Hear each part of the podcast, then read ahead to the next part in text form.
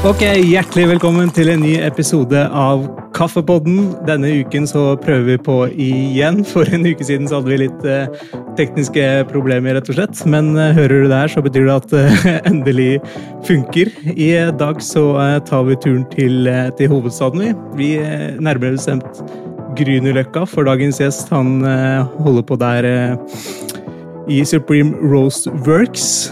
Hjertelig velkommen, Magnus Lindskog. Takk for det. Takk for at jeg får lov til å gjeste her. Selvfølgelig. Hvordan, eh, hvordan går det om dagen? Nei, det går eh, opp og ned. Det er eh, litt utfordringer på ene og andre vis, for så vidt, i denne bransjen. Men eh, alt i alt så har vi klart oss ganske bra gjennom det siste året, altså. Så vi, vi skal ikke klage, men vi driver på med litt eh, nye ting som vi kanskje kan prate om senere. Men som gjør at vi bør ha tunga rett i munnen, da. Ja, det er jo eh, det er en utfordrende tid for, eh, for så mange. Ja, jeg tror, jeg tror vi kan trygt fastslå at det er andre grupper, eh, type restauranter sånn, som sliter mye mer enn oss. Så vi skal ikke Vi skal ikke si at vi sliter. Men, eh, men er sikkert noen som gjør det òg. Ja, ja. Jeg har jo hørt eh, litt forskjellige eh, historier. Det er jo eh, til og med enkelte kaffebarer som har starta under epidemien. Eh, og det er noen som har starta og som har gått konkurs. Og så er det jo noen som har uppa gamet på, på hjemmelevering og, og eh, nettbestilt eh, kaffe, da.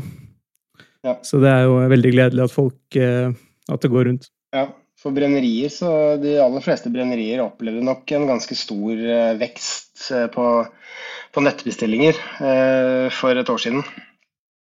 Det gjorde vi òg. Så det var vel eh, kanskje en faktor som gjorde at eh, ting ble litt enklere. Mm, det satt en del eh, på hjemmekontor som kanskje mottok kaffen enten på det kontoret de, de sitter til vanlig, eller at de er innom oss da én til to ganger hver dag før, før, under og etter jobb. Da, da må du ha, ha det hjemme òg. Så det Ja, ja. Så det gjorde vel at vi eh, klarte oss ganske greit. da. ja. Stamkundene, de backer. Stammisene backer alltid, og det er vi veldig glad for. Det er tross alt de vi lever eh, av, og de vi lever for. Så, så det må vi bare levere på. Så vi må finne, finne måter. Men uh, i dagens uh, verden så er det jo så lett å kunne sitte og klikke seg inn på et eller annet sted hjemme, så har du eh, noen snacks i postkassa et par dager etterpå. Ja, ja. Det er jo eh, alle muligheter. Men eh, du Jeg har jo sett på litt, litt enkel research at du starta jo på, på Mokka med din, din partner hos Supreme. Er det der det starta for deg, som barista og kaffereisen din? Ja, det- det starta faktisk Det er, det er nesten riktig. Det er eh, slik at jeg var stammis eh, i, på Java på Sankthanshaugen. Jeg bodde like rundt hjørnet der på sånn slutten av 90-tallet. De starta vel opp i 97. Og jeg var vel stammis der eh, de siste par åra på 90-tallet og litt inn i 2000-tallet.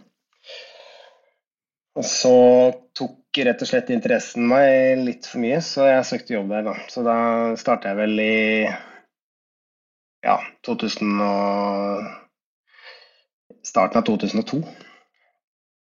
Så det begynner å bli en stund siden, det. Grunnen til at jeg søkte meg dit, var at jeg hadde en eh, ganske genuin interesse for mat og drikke. Og da var det liksom å tenke seg ut en vei i vellinga der.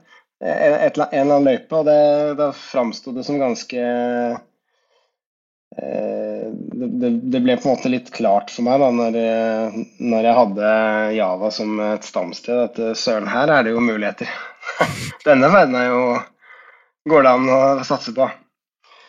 Der var det litt av hvert som skjedde i den tida. Det var eh, mange morsomme folk som jobba der på den tida. Eh, Robert som starta og driver slash drev, han ble verdensmester i år 2000, som vel var det første offisielle verdensmesterskapet. Um, altså det, det haussa seg litt opp, da. Så det ble en uh, Det ble en sånn liten kultbar, egentlig. Sånn, det, det føltes i hvert fall sånn. Mm. en kultbar som veldig mange visste om. Uh, ja. Og så starta jeg der, og det gikk typ tre måneders tid. Så hadde jeg allerede ytret ønske om å gjerne kunne brenne litt, og da kom den muligheten. Så da hoppa jeg på det, og det starta vel da sånn rundt ja, det kan ha vært i september 2002.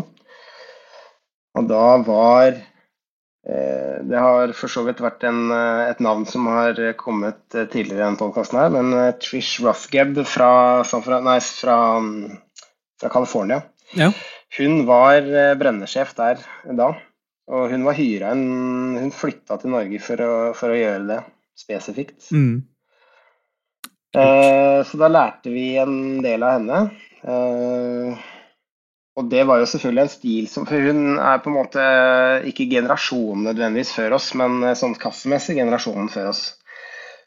Så da, og California, så det er liksom litt annen brennestil vi snakker her. Ja. Det er ganske mye mørkere. Det er, eh, ja, det er, men, men, det er jo ting som er i endring hele tiden, selvfølgelig. Mm.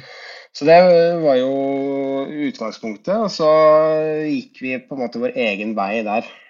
Um, hun sluttet og jeg, husker ikke nøyaktig når, men jeg mener å huske at hun forlot uh, og dro tilbake til California i februar 2003. Uh, eh, og da uh, så var det et par andre omstendigheter her som gjorde at jeg sto helt aleine i tre-fire måneder som brenner. Oi. Og det er kanskje den bratteste læringskurven jeg har hatt i kaffe i kaffe. Så, og det var veldig lærerikt. Uh, ja, det var, det var, utrolig bra for meg, da. Rent, rent, personlig så var det veldig bra. Og da fikk, vi, fikk, fikk jeg liksom testa en del ting. Uh, man, hadde, man, har litt sånn tanker og sånn som man får testa litt på. Og så gjorde, vi, gjorde jeg for så vidt en del av det. Jeg skal ikke ta æren for dette her, men uh, litt, litt gøy å være være i den der spede begynnelsen. Mm. Som det tross alt var å stå og brenne i en bar i Oslo på den tiden. Det var eh, eh, ingen andre som gjorde det, rett og slett. Nei. Dere brente i baren? Ja. Den brenneren står ikke på Mokka lenger. Den ble vel flytta i sin tid, men uh, mm. det er vel eh, spor av den på gulvet der, tipper jeg. Okay. så, så, du begynte, når du brente, da var det på Mokka, ikke i Java? Mm, ja, stemmer. Mm. Begge stedene er eid av Robert Thoresen, men eh, boka starta vel opp i 2001.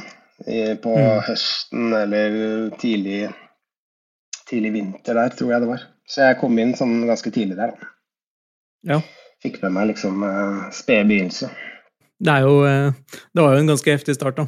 Ja, ja. Det var litt sånn som barista òg. Det var Eh, det var egentlig en skole på den tiden hvor du gikk i gradene litt.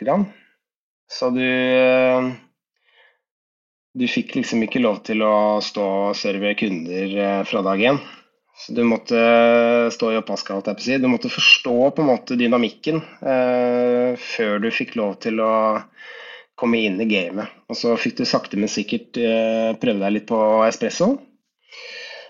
Og så var det liksom melka til slutt, hvor du liksom skulle sette sammen produktet, på en måte. Mm. Og på den tiden så var jo eh, melk en litt større del av gamet enn det det er i dag. Eh, ja. så, så, det var mye Det gikk mye melk. Eh, og det er jo greit nok. Men eh, så det Da fikk jeg vel Da var det vel eh, noen som slutta, og så slutta litt for mange. Og så plutselig blir du kasta inn i det litt, tidligere enn den uh, opplærings, uh, det opplæringsregimet hadde vært fra før. Da. Så da fikk jeg en litt brå, bratt, uh, bratt læringskurve der òg. Men det, det syns jeg egentlig var ganske fint. Det er jo ja. måter å takle sånn på, men Det er som regel Det ser ut som du har, er rolig og stoisk, men så koker opp i huet. Men sånn er det. Mm, ja, ja. Dere fikk jo eh, hjelp fra hun fra, fra California. Er det, hvor vanskelig er det å lære seg å brenne? Er det, Fins det kurs for sånt i, i Norge, eller må man eh, headhunte de få som kan det, for å lære, lære seg det? Ja, det fins eh, kurs i Norge. Jeg tror Barista School har vel hatt en del kursing på det. I likhet med, med, med spesifikke baristakurs, da. Så har de også hatt brennesessions der. Jeg vet ikke om de har det lenger. Det er ikke så mange brennerier som har det, for det er jo på en måte De aller fleste har mer enn nok med sin egen hverdag. Vi har i hvert fall ikke tilbudt det. Men altså, det er du nysgjerrig, er du vitebegjærlig og tester litt underveis, så kommer du veldig langt med det. Da. Det er på en måte Når jeg holdt på, så var det jo for så vidt ikke noe eh, kurs eller skole eller noe som helst. Så da var det bare å eh, bygge på eh, Bygge på det man lærer hele tiden. At du bygger en base. Så så ja, altså Den kunnskapsbasen blir jo forhåpentligvis eh, stor, og forhåpentligvis så blir det til noe vettugt. Ja. Så det Nei, det det funker mm. bra, det, altså, gjøre det på den måten. Men det er jo, folk er skrudd sammen litt forskjellig. og Det er absolutt, eh, eh, føler jeg, et minstekrav at du, du er litt over snittet på da, som person. At du, du greier på en måte å eh, lete etter ting sjøl. At du er litt selvdreven på informasjonsbiten. For når, sånn som det som skjedde med meg, når jeg på en måte blir stående aleine der, da, så har jeg jo for så vidt en slags kunnskapsbase der fra før, men den er jo tre-fire måneder gammel bare. Så ja. det er jo eh, my mye teori, og du føler ikke at du kan så mye, egentlig. Du må jo på en måte bare starte med det du vet, og så får du på en måte prøve deg fram. For, for, det jeg tenker litt, er hvordan, hvordan, skal man liksom finne frem Hvis du får en ny kaffe inn, da, og du har eh, seks måneders erfaring, liksom, hvordan skal du da finne frem den nye, riktige profilen til den type kaffen og sånn? Er det vanskelig? Ja, det kan det jo være. I dag er det lettere, for i dag finnes det prøvebrennere. og Eh, du kan måle Du måler gjerne fuktighet på bønder. Du måler eh, Du kan ta en 50 grams batch og, og teste, liksom, og se hvordan det en, en bratt kurve, som det kan hete, funker, eller du kan dra den ut, trekke ut litt med sødme. Altså, du kan gjøre masse sånne små grep da, i dag. Eh, det fantes små prøvebrennere før òg, men de vi hadde det den, på den tiden òg, men de var ikke sånn kjempepresise akkurat. Det smakte vel eh, mm. fort litt sånn eh, bakt brød, eh, popkorn-ish, eh, fordi det var, ofte var varmluft, da. Ja, ok. Ja, du får ikke kjølt ned eh, produktet raskt nok på den tiden. da. Det var men det fantes jo sto, større prøvebrennere. altså Store brennerier hadde vel fort en sånn eh, énkilos eh, Probatino, eller hva det het for noe, eh, som de prøver, prøvebrente på. Og det er jo funker, det. Den fantes vel både for gass og elektrisitet, tror jeg. Men i dag så har du haugevis av ting som du kan prøve på, så det, det skal ikke stå på liksom utstyr og Men in the end så må du teste om teori og praksis eh, er det samme. Så når du står der og skal brenne la oss si 10 kilo eller 30 kilo, så må, så må du på en måte bare ta med deg det du, det du har eh, fått ut av de prøvebrenningene. Så, og det er hvis du ikke har den der basen. Hvis du har en base på 10 000 batcher, da, hvis du har brent 10 000 batcher i ditt liv, så så kan den basen være litt større. Du vet eh, Du får et tall på eh, hvor mange prosent fuktighet bønnen inneholder. Du vet hvor den kommer fra, du vet hvilken sort det er. Ehm, du vet eh, fra hvilken bonde det er, og du har kanskje brent dette her før, eller, noe veldig lignende. Og da er jo på en måte da kan testbrenninga være en, en to-tre kilos brenning på en sånn brenner som vi har. Vi har en Dietrich 12 kilo i dag. Og da kan jeg ta tre kilo der og se om det jeg tenker i hodet er rett, og så kan vi gønne på med, med fulle batcher etter det. Mm. Oh, så spennende. Du nevnte jo tidligere det her med at uh, melkebaserte drinker var mer det, gikk mer av det før, da. Er det fordi håndbrygg har blitt mer vanlig nå, eller hvordan Hva tenker du om det? Ja, så på de 20 åra så har det vel blitt Eh, en, eh, det har vært en slags oppvåkning blant eh, publikum, da. særlig i store byer. Og jeg tror ikke nødvendigvis at andelen melk på alle steder er veldig mye lavere. Men jeg tror at på kaffebarer som holder en uh, høy standard i dag, som anses som kvalitetssteder, de uh, har nok opplevd de siste åra at uh, andelen svart kaffe, være seg et håndbrygg eller om det bare er fra en trakter, har nok gått opp. Mm. Så det, det melkekjøret, det er jo ikke over. Men det er bare kanskje at at befolkningen og de som, de som, går på stedene, har endret på en måte litt uh, drikkemønster. Mm. Og så er det kanskje mer de som uh, De som drar til disse spesialkaffebarene, hvis jeg kan si det. da. De er kanskje mer opptatt av ja. selve kaffen da, enn en melka ofte, eller vi har en kaffe. Ja. Og gjerne håndbrygg. Ja da. Ja, det vil jeg Altså det er jo flere typer kunder, men gjengs for de aller fleste er at de er genuint interessert. Og da er jo Du kan jo selvfølgelig Det er jo helt uh, innafor å være interessert i en uh, cappuccino. Så det er jo, men, men, de aller fleste er jo da interessert i ulike typer kaffe og ulike typer brygg og ulike typer metoder. da. Så folk står jo ofte og kikker på vi er jo kaffe, altså Bryggebaren vår eh, er jo laget sånn at man kan sitte og følge med hvis man vil. Så man ja. kan faktisk plukke opp et par tips eh, som man kan eh, benytte seg av hjemme. Da. Og det er meningen, da. At man, det er ikke noe hemmeligheter her, liksom. Det skal være åpenhet.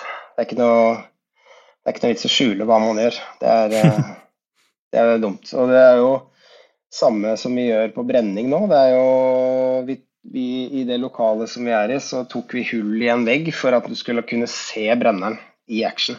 Ja.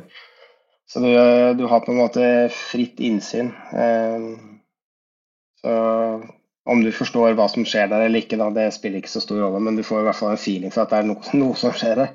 Ja, og så er det noe med at det er litt kult å se, se det. Du, fra, fra du eh, drev og brente kaffe nede på Mokka, og eh, gikk du derfra også rett over på med å starte Supreme?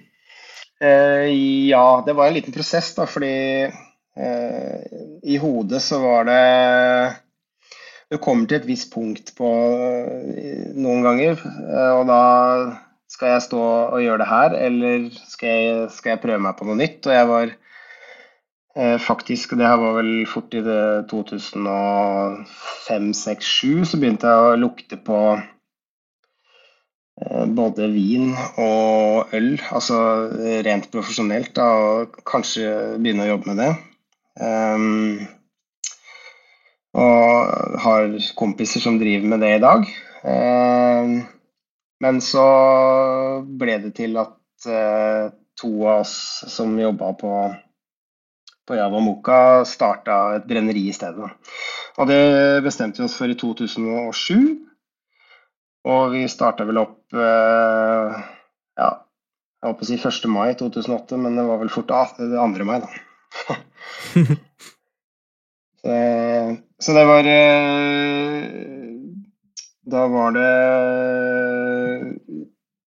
vi, vi, to, altså da vi var tre brennere faktisk på den tiden på Moka. Eller det, da, da het det Kaffa. Det var blitt eh, Kaffa et år før eller noe sånt. Ja. Og da var vi tre brennere, og da slutta vi faktisk alle tre. Så det var jo forholdsvis dramatisk. Men eh, to av oss starta da Supreme. Det var da Joar og jeg. Og det var up and running ganske kjapt. Det var jo selvfølgelig bratt læringskurve der òg. Og å drive ting sjøl. Men eh, vi hadde vi var på en måte litt kjent i miljøet, så var, vi følte ikke at det var sånn, så veldig utrygt. da. Det var på en måte mm. Vi hadde med oss eh, en liten fanskar, følte vi. Det er ikke gitt at disse skal være med som kunder, men uh, en del av de ble det faktisk. Uh, så vi holdt til i en garasje ved et bilverksted på Torshov i fem år eh, like ved Lilleborg skole. Og så eh, hadde vi med oss da Odd Steinar Tøllefsen, som da hele tiden hadde vært interessert kunde. Jeg husker ikke helt første gangen han var innom, men han var ofte innom, eh, særlig når man sto og brant på Moka. Så han eh, var blitt veldig interessert eh, etter en tur til Napoli, så var han blitt veldig interessert i kaffe. Og da eh, hooka vi han opp med litt ferskbrente ting sånn på sida, og så var, var, kjøret på på han. Og da var jo han med og hjalp oss å pusse opp eh, på Torshov. Og, og, så begynte det da vi å så frø, og han sådde et frø i oss at eh, skal vi ikke kjøre i gang en bar, liksom. Det må jo Her må vi gønne på. Og da eh, var det litt det var jo litt Du må ha et bra lokale, så det tok jo litt tid. Men uh, eh, 1.2.2013 så åpna vi på Grünerløkka. Så da var vi i gang. Ja. Da var det full action. Så det var, det var ganske bra, bra start der òg, faktisk. Da var det Odd Steinar som sto der, uh, kun han og meg, seks dager i uka. Det første halvåret. uh, eller var det mer? Så det var jo ganske heftig. Så, men skal du få noe gjort, så er det bare å gunne på. Ja. Hvordan er teamet i dag? Teamet i dag er helt annerledes. Eh, på eiersiden så er det i dag kun Odd Steinar og meg. Det har det vært de siste fem, fem og et halvt årene. Vi kjøpte ut Joar i sin tid. Um, så har vi en del fulltidere, og de burde du absolutt ta en prat med etter hvert. Noen av de, i hvert fall. Mm. Eh, så vi er eh, Nå begynner vi å nærme oss åpning av en bar til, da.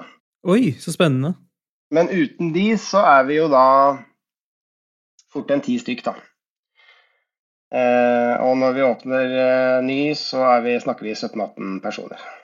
Eh, og and counting.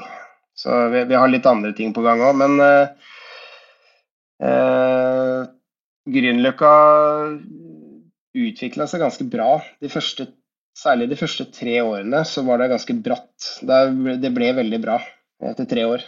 Uh, og det har vel bare gått bedre og bedre. Så vi begynte allerede i 15-16 der å se etter et nytt lokale for en bar til. Og ja, det er jo Du, du går runder med kontrakter med huseier osv., og, så videre, og det var ikke alt som stemte alltid. Så da ble det til at vi hoppa på et prosjekt hvor vi ble oppringt av eh, Porsche i Norge, altså bilmerket som hadde lyst til å lage noe annet enn et rent showroom for biler. Men de ville ha et levende sted litt mer nedpå, selv om det er Porsche vi snakker. Så, så ville de på en måte ha et, eh, et sted med, med, sjel, hvor det faktisk var folk. Og ikke bare nødvendigvis eh, rene kunder av Porsche, eller potensielle kunder, men også da eh, litt, ved folk som var interessert i andre ting, sånn at synergieffektene kunne kanskje blomstre litt. Da. Så de, da, de har vi for så vidt uh, holdt på med i to år allerede.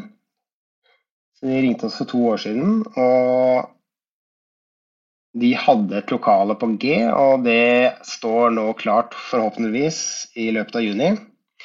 Og det er på Aker Brygge helt ut mot uh, brygga. Wow, det er kult, da. Der skal det stå da en bil. De skal veksle litt på hva, hvilken type bil de skal ha der. Så det blir på en måte litt sånn display. De skal ha en egen sånn eh, som Porsche kaller fitting lounge, hvor du kan eh, ta følge på stoffprøver, se på lakkprøver, konfigurere en bil eh, digitalt etc. Og så har du da Størstedelen av lokalet blir på en måte kaffebaren. Du, det blir Supreme som du kjenner det, men interiøret ser helt annerledes ut enn det gjør på Grünerløkka. Men, men, selve bardelen blir ganske lik i utformingen. Sånn at du får den bryggebaren hvor du kan sitte og nøle litt og, og følge med osv. Men uh, filosofien blir lik. Uh, vi skal være nedpå jordnær og snakke et språk som de aller fleste forstår. så ikke vi fiffer opp kaffen for mye med et uforståelig, en uforståelig norsk. Wow. Oh, det er spennende. Det skal jeg huske neste gang jeg drar inn til eh, hovedstaden.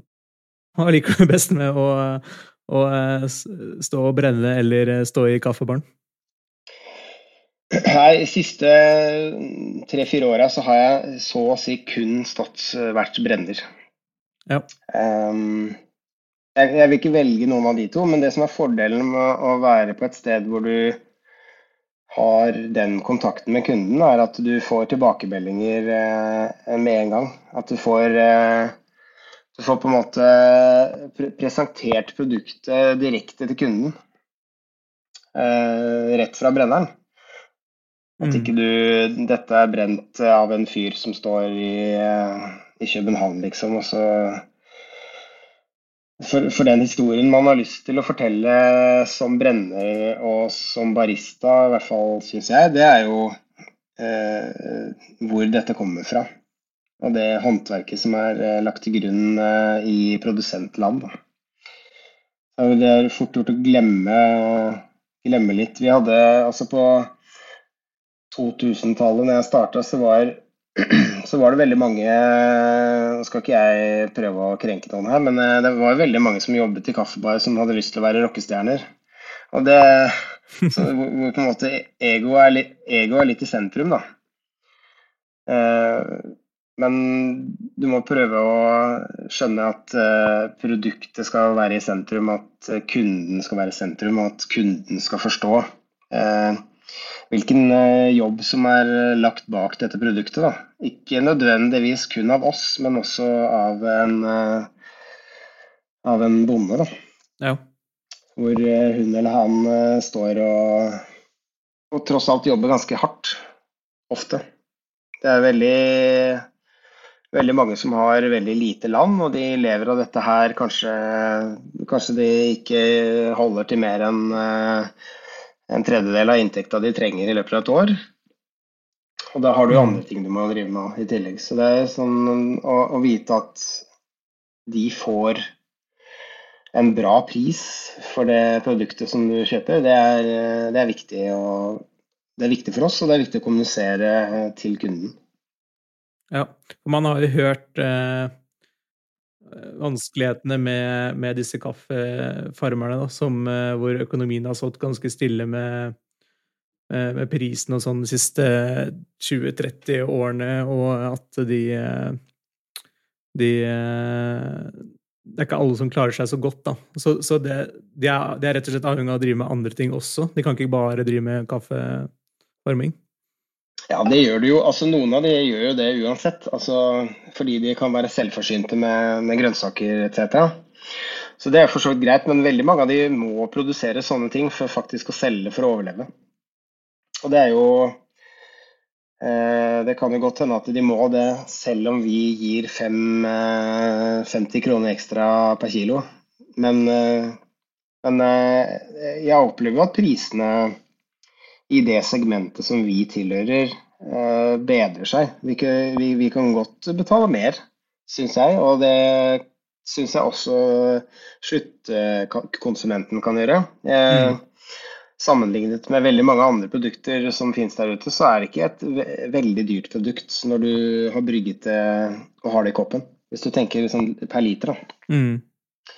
Så hvis, du syns, hvis du syns at eh, det er ekstremt dyrt å kjøpe en kaffe til 180 kroner for en kvart kilo, så er ikke det sånn det er ikke hinsides, for det koster deg jo tross alt en seks kroner koppen, liksom. Ja, ja, og så er det jo noe godt med å vite det at den, eh, den er eh, Hele prosessen fra meg ganske ryddig, da, med hvordan den er eh, lagd, og at det er naturlig og ikke masse sprøytestoffer, og at det er orden ja. på hele handelsveien. Da. Det er veldig greit å vite også, og da kan man jo betale mer for å også få oppå det en bedre kvalitet. Ja, der har du jo aktører som jobber veldig bra med det i dag. Eh, vi kjøper eh, Mesteparten av det vi kjøper, kjøper vi fra Nordic Approach i dag. Mm. Som er en uh, kaffeagent som holder til i Norge.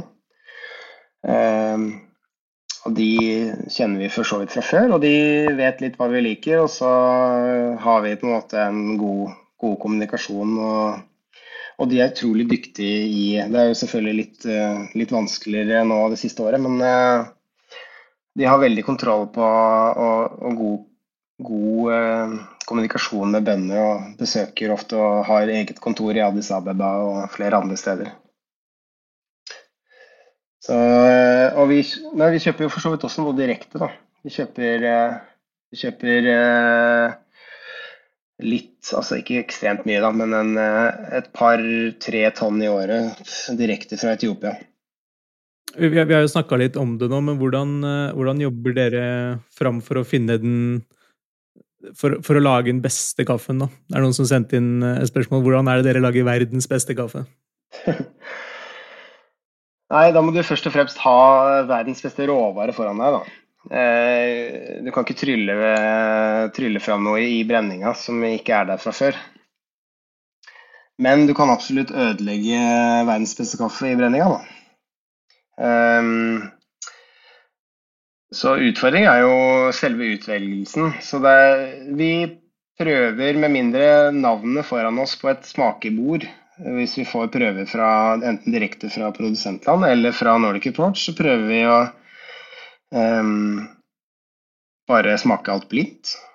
Uh, ikke tenke på pris, uh, ikke tenke på det navnet som står på Kjenner vi noen navn, så får vi heller uh, rocke om på det og det, legge det i posen opp ned, sånn at vi ikke ser hva som er hva. Um, sånn at alle skal ha en fair, fair, sjanse, liksom. For det er fort gjort å tenke at da, de hadde vi i fjor. De, du vil gjerne du vil jo gjerne at de du hadde i fjor, skal være bra igjen. Det, vi har jo noen navn som går igjen, men, eh, men eh, og, det, og det, det, er liksom litt av den uh, tanken som uh, flere og flere brennerier driver med, at de gjerne vil støtte de, de samme igjen og igjen. Og det, det, har vi også lyst til, men vi, vi, i tillegg så har vi litt sånne wildcards på bordet som man har lyst til å ta inn. Om mm. det er et lite parti på 200 kg her, eller, eller 40 kg for den saks skyld. Altså sånne småting da, som er litt morsomme. Eh, som kan være litt ekstra spennende, litt koko og frukt eller et eller annet. Og det, det er gøy. Og da, da, er jo det vår jobb. Eh, å få det til å bli gull i koppen etterpå, da. Ja. Og der, da kommer jo erfaringer og uh, ulike synspunkt i staben. Og det er jo i den tida som vi har vært i nå, så er det det siste året så gjør det at uh, det å få prøver fra, på kaffe, det, det, er gjerne ikke så mye. Og det er nok til kanskje to, kapp, uh, to kopper av hver type. Og Du har jo lyst til at flere i staben skal smake dette, her, men sånn som det har vært det siste året, så er det beint umulig. Mm. Så det har vært uh, håla bud. Så det er jeg må smake den ene koppen, så da, da, da gir det seg selv, liksom. Så det, det, er eh, Men man har lyst til at alle skal smake det, da. Men eh, så, så til vanlig, i en, i en, perfekt verden, så, så får alle lov til å liksom si hva de mener. Men uh, in the end så har jeg på en måte vetorett uh, på, på alt. da. Eh, ja. Men jeg må jo ta inn over meg hva, hva, hva flertallet syns. Um, og så har du altså, om, om, man er uenig og det ikke er snakk om mye, så kan man alltids ta to ting i stedet for én. Så det er jo Det er ikke verre enn det. Men å videreforedle produktet, altså, da er det jo snakk om å forstå hva du har foran deg i, i grønne bønner, og forstå eh, hva slags type prosesseringsmetode, om det er vasket, om det er en, eh, en bærtørket, eller om det er en honey-prosessert, eller om den har eh, ligget sammen med noe frukt i en, uh, i en uh, tank uh, uten luft f.eks. i noen dager. Sånne type ting da, ikke sant? som gjør du, du, bygger deg på en database etter hvert på den type produkter, ulike ting, og så tar du det derfra. Så er det bare mm. å fyre i vei. Og det er jo selvfølgelig ikke lett hvis du har kjøpt 30 kg av en ting. Da må du på en måte Nei. bare Da er det, da er det en prøvebrenning, og så er, så er, det bare å gønne på med magefølelse.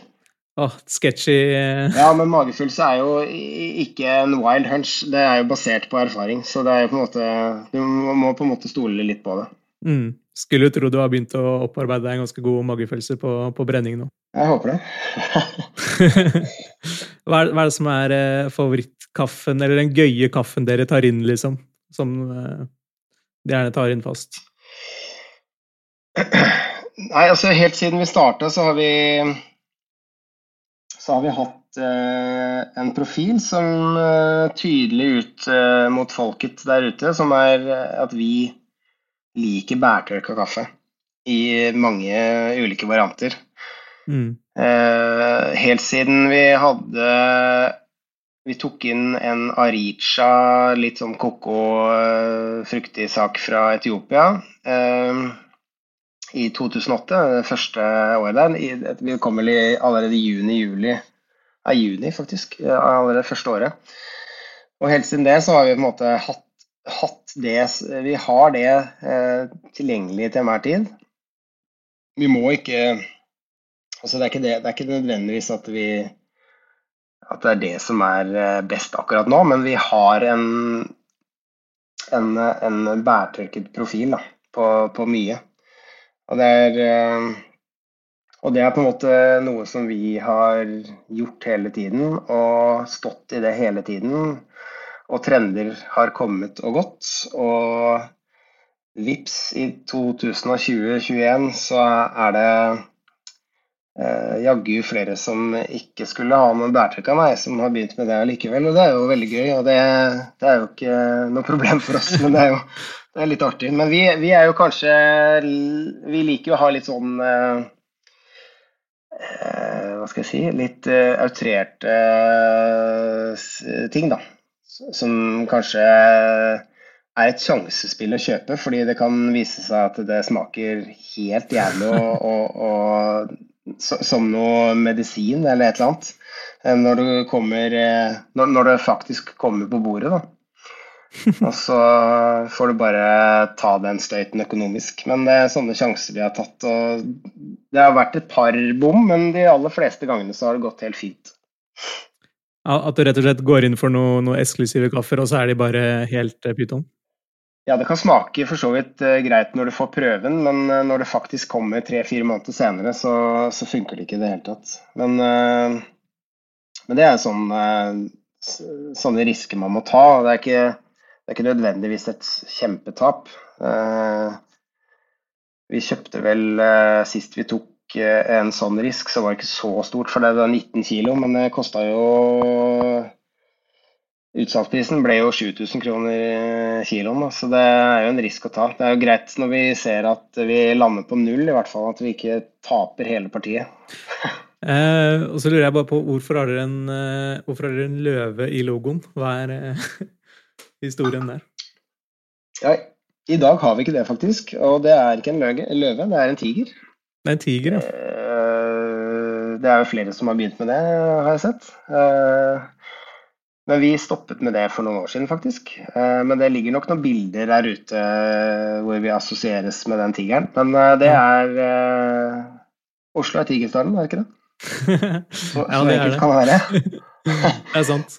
Ja. Nei, altså det, er, ja, det er et par andre. Det er noen andre små Det, finnes, det fantes, tror jeg, en gammel skøytebane på Torshov, hvis ikke jeg husker helt feil, som het Tigrene. Eller de som spilte det, kaltes Tigrene. Mm. Ikke Tigrene, men Tigrene. Den historien kan ikke jeg, men det er blitt fortalt av en kompis. Ja. Så det er, det er, en liten sånn eh, den, den, fikk vi høre før den tid, så det var litt gøy. At det kunne liksom henge det på, henge det på noen lokale knagger. Ja, ja, ja. Viktig. Litt lokal forankring. Ja, ja. Eh, og så har jeg sett på noen, noen nyhetsartikler eh, at dere nærmest har blitt en sånn sykkelkaffebar, et møtested for, eh, for syklister. Eller om det bare var tilfeldig, men i hvert fall så har jo Edvald Boasson Hagen lagt sin elsk på deres kaffebar? Ja, det stemmer.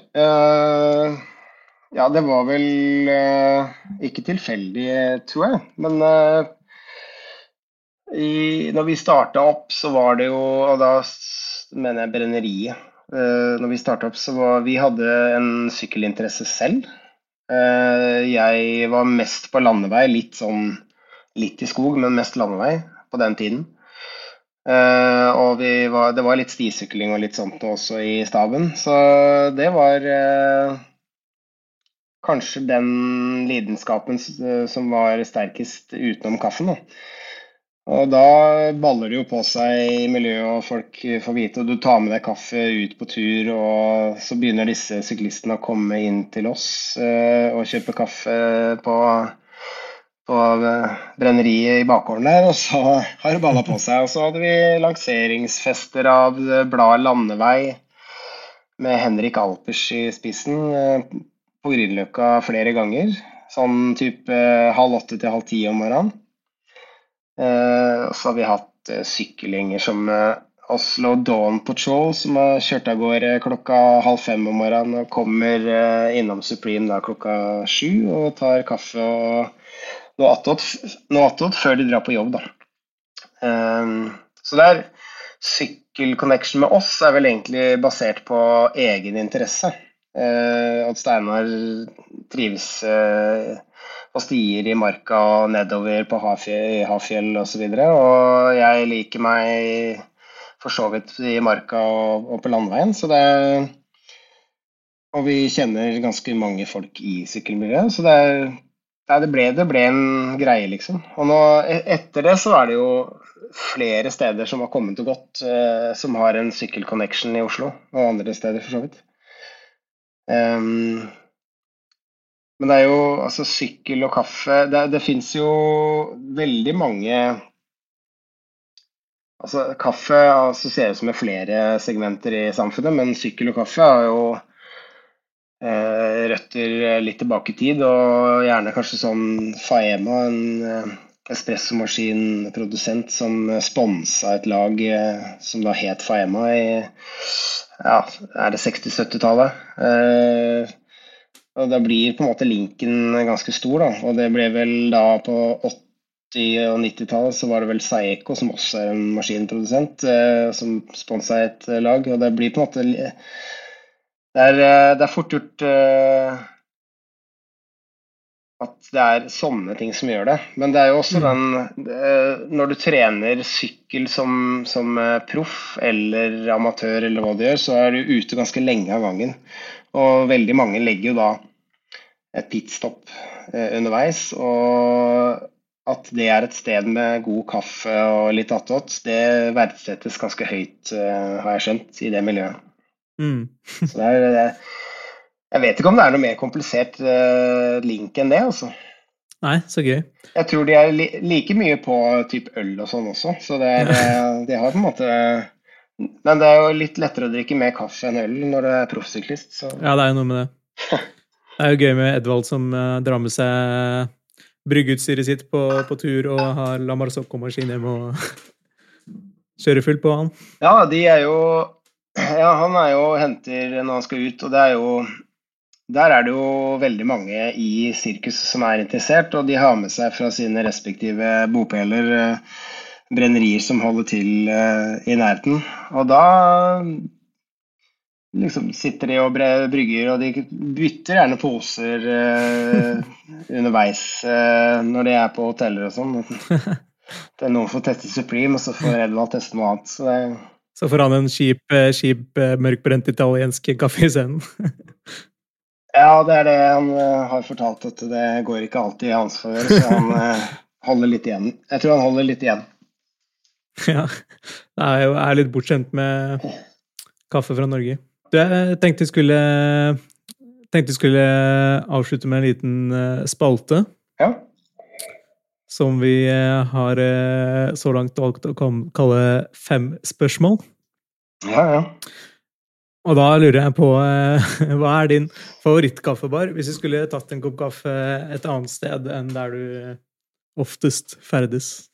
Ja, den er, den er jo morsom og litt vanskelig. og det Eh, nei, altså eh, Det fins veldig mye bra der ute.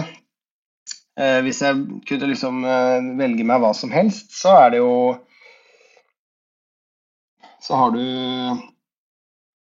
en dessverre nedlagt kaffebar så, ah. som jeg vil trekke fram.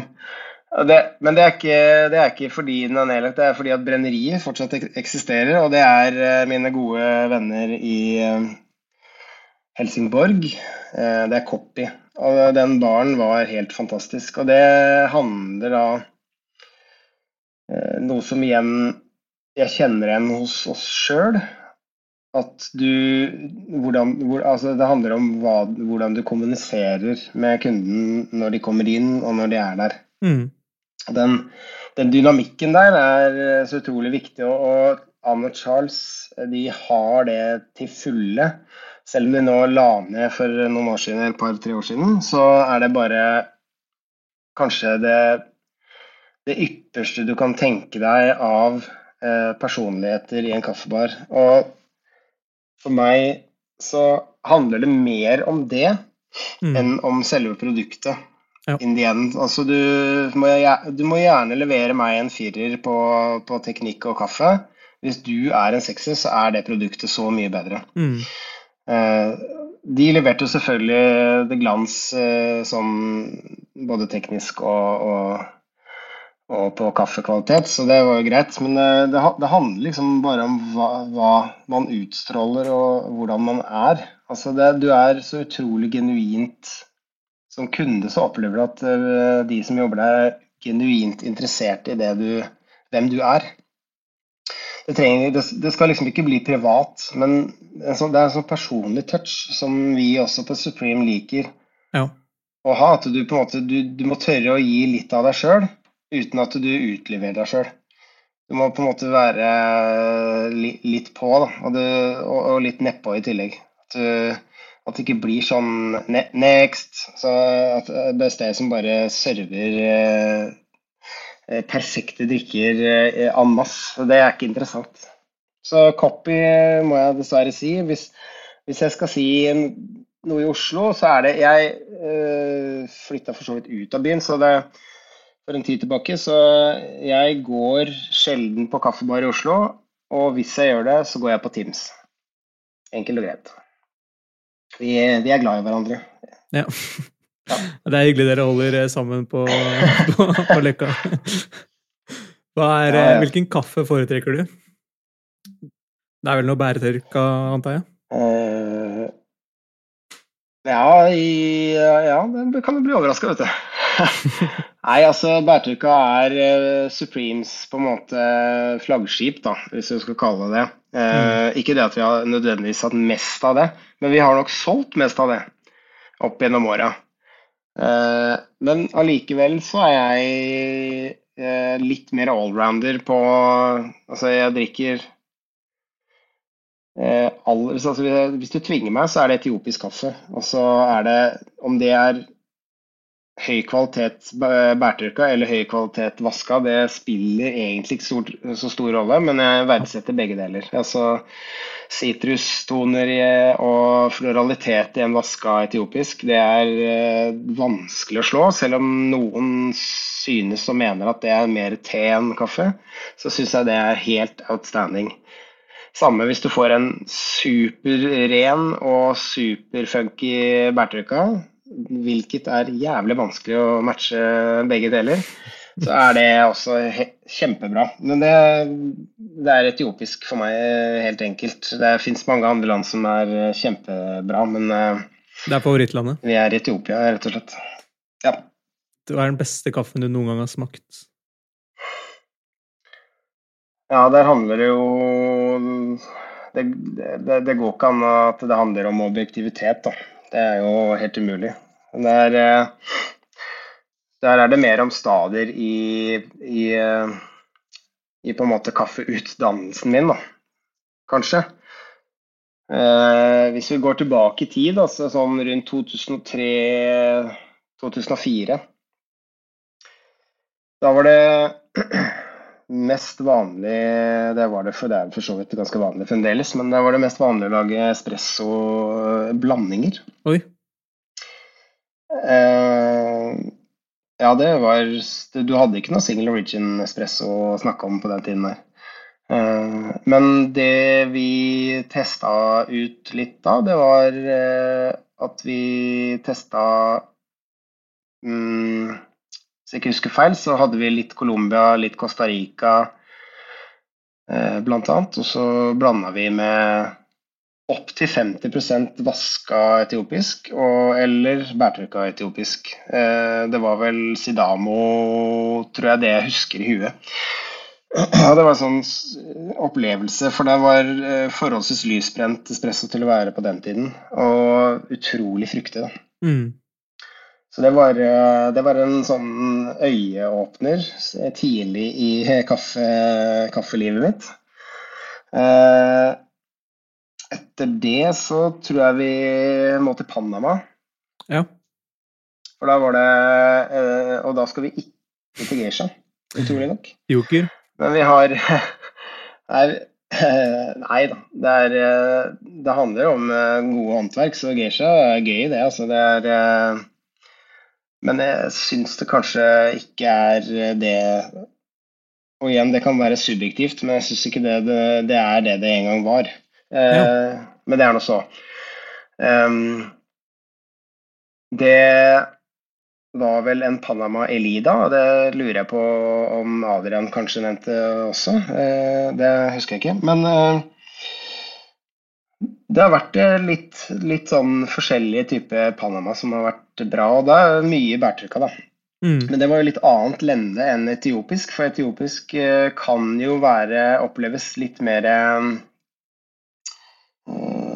hva skal vi kalle det? At det spriker i flere retninger. da. Det er så mange typer bærsorter som er miksa. Det, det kan jo være 20-25 stykker.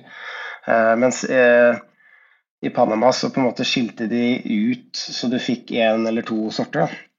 Det ble et renere produkt, og det var jo veldig gøy å se på den tiden. Da snakker vi sånn 2006, 2007, 2008. Og vi hadde vel også ganske mye Panama, Panama før. Og det Ja. Det er dessverre ikke så lett å få tak i alt før. Vi har fra en bonde som heter Graciano Cruz. Ganske mye.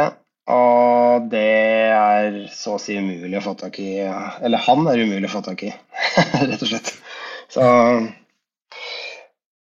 så det Panama er høyt oppe på lista over eh, opplevelser som står seg den dag i dag. Da. Den, den, den cruise som du nevnte, ja. er, den, er, den, enda vanskeligere å få tak i enn den originale Geishon? Eh, nei da, men det handler bare om at han, eh, han, er hot. Og da er det ikke så lett å få tak i han. Altså Vi har ikke fått prøver de siste fire åra engang. Ja, okay. Så det, der er det Ja. Såpass. Men det er jo sånn det er. Så det kan jo fort uh, svinge tilbake igjen. Men uh, og så var det den uh, kassen som jeg nevnte helt i starten når Supreme begynte, som vi hadde fra juni 2008. En Aricha som vi kjøpte av et firma som heter 90 Plus, som kom til Norge den forsommeren. Eh, og da hadde vi Ja, jeg tror jeg tror vi hadde 350 eller 400 kilo. Jeg tror Tim og Supreme kjøpte vel 50-50. Vi kjøpte to ulike lotter, og så hadde vi hver vår kaffe. Ja. Litt sånn fun funky, men litt friskere bærtørka. Eh, som på en måte kanskje var litt sånn i emminga på den tiden der, og som har blitt eh, litt eh, litt vanligere å se i dag, da. Mm. I hvert fall eh, noen steder. da. Hos oss så kan du ha sånne type kaffer eh, veldig ofte. Ja. Men eh, det er kanskje ikke alle som liker det, så det, det er jo oh, smak og behag. Ja, ja. Nei, bare for å konkludere med, med altså den kaffen. Det, er- jeg, jeg vet ikke helt hva det er, og det, hvilken er den beste du har smakt. Det, det, det har litt med hvor du er i livet, tror jeg. Eller hvor du er i kaffeutdannelsen. For det er veldig lett for en en eh, Det er veldig, eh, veldig mange som i starten, kanskje de første fem, seks, sju årene av kaffelivet sitt, er veldig på bærtrykka fordi de er ekspressive. Det er litt sånn med øl òg, at du eh, Du liker kanskje IPA-er og sånn veldig kjapt fordi de, de snakker veldig høyt. Eh, Og så kan det hende at du demper det litt, da. Ref. eh, vasket etiopisk Mm. Som er litt mer stille, som, som, som ikke snakker så høyt, men som har, kan ha utrolig høy kvalitet, men som, som du må på en måte hente ut litt. At du må leite litt mer. Mm. Favoritt eh, foretrukken eh, bryggemetode? Fins det flere? Nei da. Eh, det er Hjemme bruker jeg kun én, og på jobb så har vi en favoritt, og det er Hario V60 vi tyr til. Um, Ja. Det fins mye annet uh, gøy man kan hol- holde på med, men uh, det er liksom den jeg føler gir meg den mest optimale opplevelsen. Så det er, eh, det er ikke Det fins Det er jo mange snedige måter å brygge på. Aeropress kan være vel og bra, det, men eh, vi har landa på en litt annen stil. Vi, vi brygger på en måte noe lettere enn mange andre, og kanskje vi får fram litt mer sødme. Det er i hvert fall litt av, litt av målet vårt, da. Det er et delikat brygg. Ja, absolutt. Mm. Kjempe. Du, eh, Magnus, tusen takk for at du eh, ville være med i podkasten i dag. Jo, bare hyggelig. Det var eh, flott å kunne bidra litt. Prøve å se om både jeg og andre kan lære litt her. Om gamle dager.